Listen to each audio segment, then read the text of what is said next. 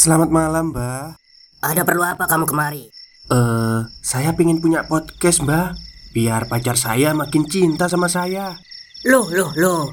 Mau bikin podcast kok tanya dukun? Sekarang kamu download aplikasi Anchor.fm. Di situ kamu bisa buat podcast gratis dan podcast kamu bisa didistribusikan ke platform mana pun. Dan di aplikasi atau website Anchor.fm juga terdapat fitur-fitur yang memudahkan kamu untuk membuat podcast. Oh, gitu ya, Mbak. Kalau gitu, saya boleh minta password wifi-nya, Mbak. Buat apa? Buat download Anchor.fm, Mbak.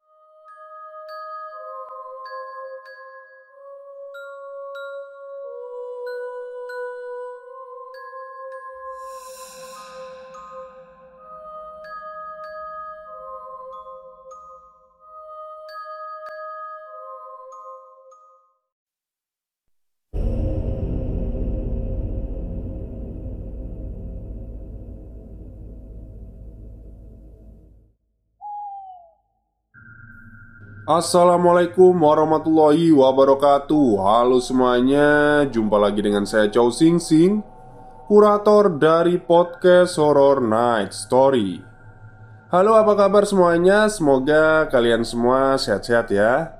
Dan seperti biasanya Pada siang hari ini saya kembali Dan akan menghadirkan sebuah kisah mistis untuk kalian semua Kisah mistis kali ini saya datangkan dari Louis atau Mas Haidar Yang menceritakan tentang UKS angker Yang dijaga oleh seorang perawat. Seperti apa kisahnya? Mari kita simak.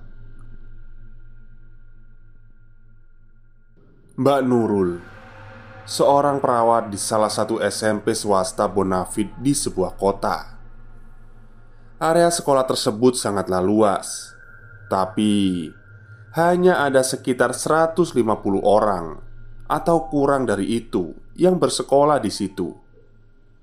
Lega memang Tapi Area 3 hektar itu Menyimpan kisahnya sendiri. Salah satunya ruang UKS Mbak Nurul di hari pertama bekerja langsung diarahkan menuju UKS Dan di sebelah UKS itu ada toilet. Ya, pokoknya di setiap ruangan penting di sekolah itu Sebelahnya pasti ada toilet berjumlah 6 sampai 7 buah. Untuk setiap toilet cowok dan cewek Malahan ada kamar mandi juga. Kamar mandi ini ada gym dan kolam renang. Itu juga beda-beda lagi ruangannya.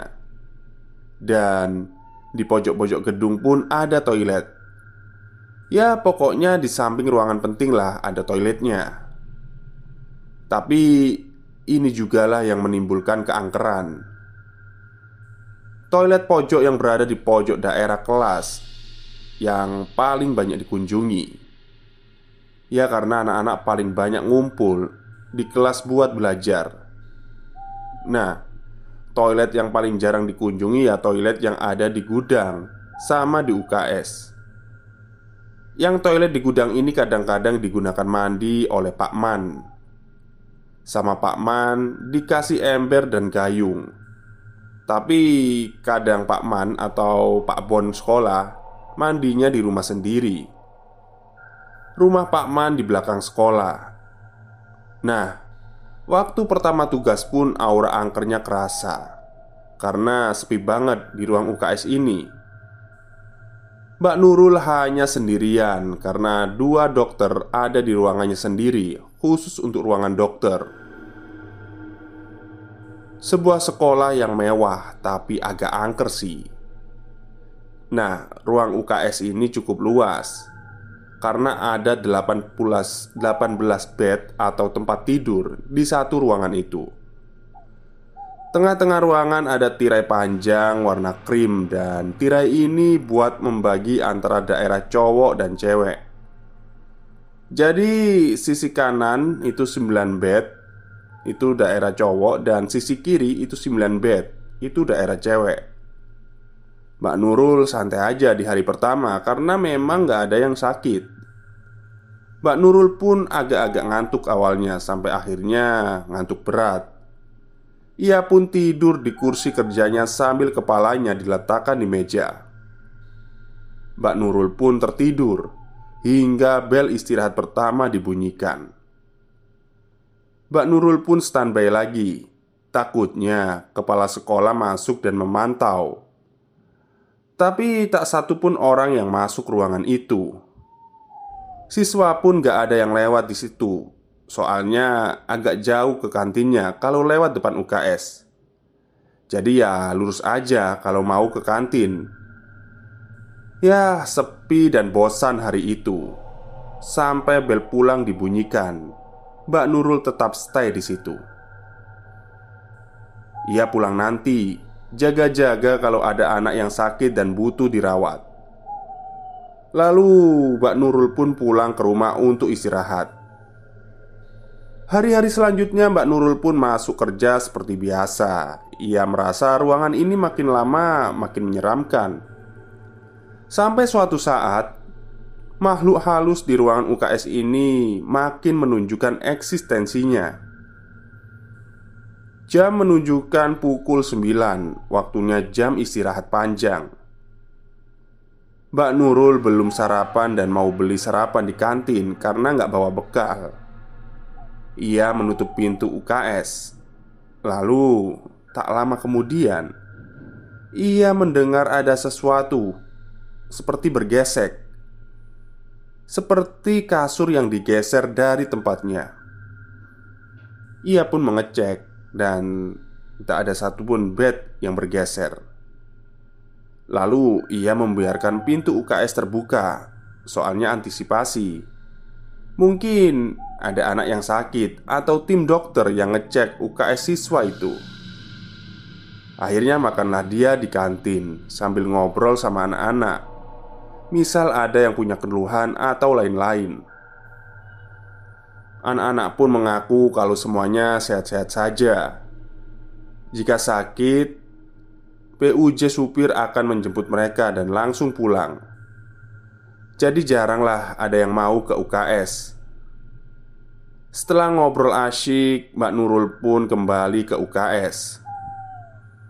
Sepanjang perjalanan ke UKS, ia terus diperdengarkan oleh suara-suara anak kecil.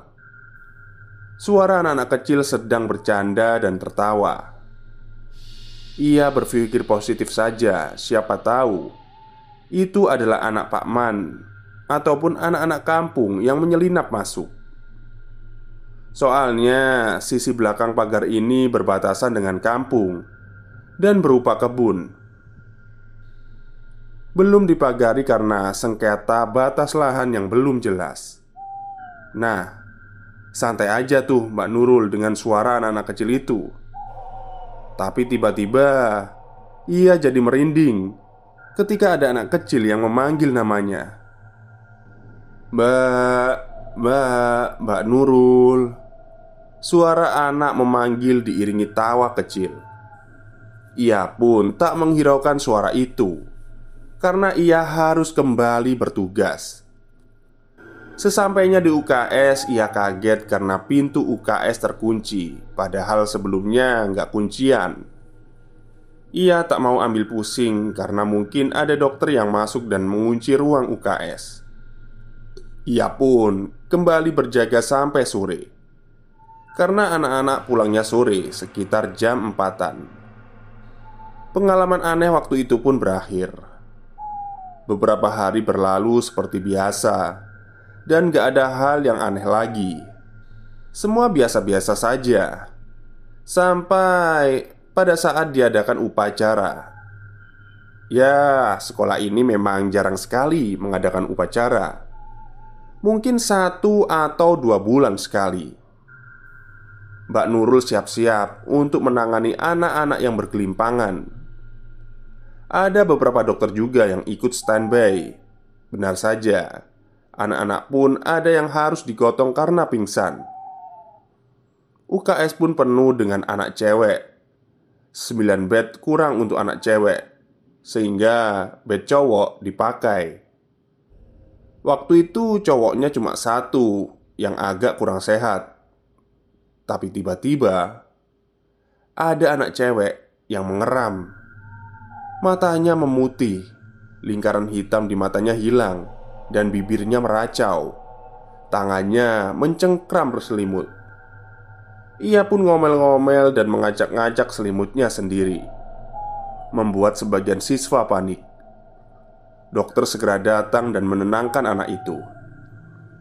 Pemberian obat dan prosedur medis pun segera dilakukan. Anak ini masih mengeram dan mengacak-acak sampai 15 menit kemudian Baru setelah itu semuanya tenang kembali Dan kembali seperti sedia kala. Anak-anak pun merasa lega karena temannya ini nggak kenapa-kenapa. Setelah sadar Si anak yang berperilaku aneh ini nggak ingat sama sekali apa yang dia lakukan. Ia hanya merasakan bahwa telinga bagian kanannya panas Itu aja. Selain itu, tak ada lagi yang ia rasakan. Mbak Nurul pun agak merinding dan kaget mendengarnya. Ada anak yang tiba-tiba kesurupan seperti itu, membuatnya semakin percaya bahwa tempatnya bekerja mulailah angker. Pak dokter yang mendiagnosa pun mengatakan bahwa yang dialami siswa tadi masuknya kerana jiwa bukan fisik. Selesai kejadian ini, Mbak Nurul pun berusaha untuk tetap terlihat biasa saja. Ia tak mau menunjukkan bahwa dirinya takut buat standby sendirian di ruang UKS. Ia menjalani hari-hari seperti biasa. Hari berikutnya pun tenang-tenang saja. Sampai pada suatu hari di jam 5 sore, Mbak Nurul pun mendengarkan shower toilet nyala. Shh. Padahal tidak ada siswa yang terdengar masuk ke dalam toilet. Wah, keren ya. Toilet siswa aja ada showernya loh di sekolah ini. Oke, lanjut.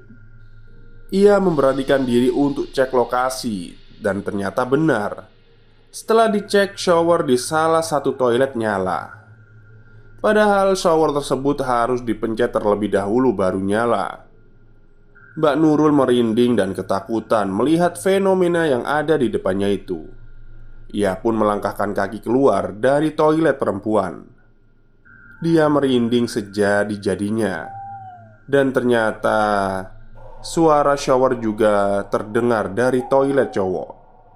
Tapi ia tak lagi menghiraukannya dan masuk ke ruang UKS. Lalu Mbak Nurul menelpon bagian maintenance atau perawatan sarana. Setelah bagian maintenance datang, Mbak Nurul menceritakan semua kejadian yang ia alami. Bapak bagian maintenance pun segera mengecek apakah ada yang salah. Dan setelah dicek, ternyata tidak ada yang rusak. Namun, bapak maintenance itu menemukan sesuatu, yaitu sosok anak kecil dan ibu-ibu setengah baya yang berdiam di kamar mandi itu. Pak maintenance ini memang bisa melihat hal yang begituan. Mbak Nurul pun iya-iya aja ketika mendapat berita seperti itu. Ia nggak tahu harus bagaimana. Hari itu, Mbak Nurul takut banget. Akhirnya dia pergi ke ruang dokter. Tapi ternyata dokter sudah tidak ada di tempatnya. Akhirnya ia ke satpam depan ketemu dengan Pak Saiful. Nah, Pak Saiful ini menjelaskan panjang lebar asal sekolah Yang tadinya adalah sawah dan kebun pisang. Nah, orang zaman dahulu kan ada yang naruh barang Itu untuk jaga kebunnya. Nah, barang jadi Barang tadi kemungkinan itu ada jinnya atau ada isinya Nah nggak tahu kontraktor ini asal membangun aja. Tapi ya memang pembangunan lancar-lancar aja tidak ada gangguan. Soalnya pemilik barang sudah bukan pemilik tanah lagi. Jadi ya aman-aman aja lah. Namun pas jual tanah itu Si pemilik barang kelupaan untuk mengambil barangnya. Ia menyarankan Mbak Nurul untuk ditemani satu orang Mbak Nurul pun ngelobi sekolah dan jawabannya bikin lega. Yaitu Mbak Nurul boleh satu ruangan sama dua dokter. Tapi itu pun sampai jam 9 pagi karena dokter harus bekerja di tempat lain. Ya, agak santai lah Mbak Nurul ini Jadi nggak kenapa-kenapa. Tapi ternyata gangguan hari-hari berikutnya masih terjadi Biasanya habis sekitar jam 4 atau jam 5 sore Gangguan mulai ada. Kalau pagi nggak ada. Jadi pas waktu itu Mbak Nurul siap-siap mau pulang jam 5 Tapi tiba-tiba tasnya hilang entah ke mana. Nyarilah sampai setengah jam. Lalu tiba-tiba tasnya ada di satu bed dan ditutup selimut Ya aneh aja padahal seluruh bed sudah dicek tadi. Ah mungkin itu cuma iya yang gak teliti atau gampang lupa. Stop stop. Kita break sebentar. Jadi gimana? Kalian pengen punya podcast seperti saya? Jangan pakai dukun. Pakai Anchor. Download sekarang juga. Gratis Hari-hari berikutnya ternyata gangguan tambah menjadi-jadi Yaitu suara tangis bayi. Suara itu kenceng banget dan jelas banget Ada di ruangan UKS itu. Mbak Nurul yang berada di dalam UKS dak-dikduk dibuatnya. Tapi Mbak Nurul ingat kata orang-orang bahwa Kalau ada fenomena gaib, diamkan saja Misalnya, udah takut banget, jangan lari, cukup berdoa. Akhirnya, Mbak Nurul pun berdoa sebisanya dan berharap tangisan bayi itu berhenti. Setengah jam kemudian, tangisan itu berhenti. Sekarang, suara tersebut hilang dan tak nampak lagi. Hari-hari berikutnya aman karena Pak Saiful sering ke sana dan membacakan ayat-ayat suci Al-Quran dan mengelilingi ruang UKS. Sedangkan Mbak Nurul sekarang standby di depan. Jadi makin kondusif lah ruangan itu. Beberapa tahun kemudian Enjoy aja. Karena Mbak Nurul ini merasa gangguan sudah hilang. Ya memang gangguan ini benar-benar sudah hilang. Tapi semua itu berubah saat sekolah ini ingin menjuarai berbagai lomba Baik nasional ataupun internasional Ibu kepala sekolah yang baru menjabat ini lebih ambisius dan ingin agar sekolah tersebut banyak menjuarai kejuaraan nasional dan internasional agar pamor sekolah naik drastis. Akhirnya semua ekstra boleh sampai sore bahkan jam 8 malam. Nah, seluruh pegawai yang berhubungan dengan keselamatan siswa harus standby setidaknya sampai jam 9 malam. Kecuali satpam yang kerjanya shift pagi dan malam Ya harus standby sewaktu-waktu ada dibutuhkan. Mbak Nurul jelas gak mau karena punya pengalaman buruk Dengan para penghuni UKS dan WC Ia pun memutuskan untuk resign saja Tapi pihak yayasan sekolah mengabulkan resign satu bulan setelahnya. Ia pun diberi gaji yang tinggi agar tak jadi resign. Tapi keputusannya sudah bulat ia hanya satu bulan lagi di situ dan gak akan nambah lagi. Awalnya ya pagi sampai malam tenang dan gak ada yang mengganggu. Soalnya memang sama Pak Saiful sudah dinetralisir ruangan itu. Tapi ada nih anak resek yang menjadikan suasana kerja Mbak Nurul jadi amburadul lagi. Yang pertama, ada anak siswa yang punya khodam. Belak-belakan nantangin seluruh jin yang ada di situ. Nah, si anak pencari sensasi ini ngeluarin khodamnya. Dan anak-anak lainnya nontonin tuh kan. Pas anak-anak lainnya pada nonton Anak yang ngeluarin khodam ini tiba-tiba muntah darah. Ia pun seperti dihembas-hembaskan ke tanah oleh makhluk yang tak kasat mata. Ia pun sampai mundur beberapa meter Seperti ada yang mendorong. Mbak Nurul pun melihat banyak sekali bayangan putih yang turun dari lantai dua termasuk sosok nenek dengan kebaya coklat tua di lorong pojok. Lalu ada sosok anak-anak juga yang nampak menahan amarah. Para demit ini ada yang membawa senjata tajam seperti sabit, karambit, dan lain-lain. Wah, jadi demit-demit ini kayak demo gitu ya mungkin ya. Sosok-sosok tersebut membuat Mbak Nurul diam beberapa saat. Wujud dan rupanya membuat siapa pun bergidik ngeri. Ada yang putih-putih aja, ada yang kepalanya buntung dan dipegang, dan ada yang rata. Ada sosok besar kekar dengan otot-otot menonjol di seluruh tubuhnya. Makhluk tersebut berwarna hijau dengan tangan besar, sebesar pohon beringin. Para makhluk ini ramai-ramai mengeroyok si anak yang menantang tadi. Si anak dengan khodam raksasa merahnya tak berkutik Diserang ratusan makhluk Cakar si khodam yang panjang dan setajam pedang tak mampu melibas semua lawan-lawannya Jadi waktu khodam tadi menyerang Semua demit yang mengeroyok memang jadi terluka Namun tak sampai lima menit sudah sembuh Dan menyerang si anak tadi Mbak Nurul menyaksikan semuanya Darah hitam pekat tumpah dari tubuh jin itu, serta auman dan teriakan kesakitan. Anehnya, hanya Mbak Nurul yang bisa melihat peristiwa malam itu. Anak-anak yang lain gak lihat, tapi anak-anak yang di lapangan panik ketika melihat temannya itu muntah darah. Mereka pun lapor satpam. Ada juga yang menghampiri Mbak Nurul, tapi Mbak Nurul malah pingsan. Entah bagaimana selanjutnya, Mbak Nurul pun dibangunkan oleh Mas Wahid Mas Wahid ini kiai kampung atau kiai muda yang sengaja dipanggil di sekolahan itu. Mas Wahid mengajari cara berani menghadapi, menghadapi demit-demit itu. Cara berdoa dikala ada semacam itu. Mas Wahid juga telah merukyah Mbak Nurul dengan teknik rukyah tanpa menyentuh. Setelah selesai menangani itu semua, Mas Wahid pulang. Semenjak itu Mbak Nurul nggak mau lagi kerja di sekolah itu.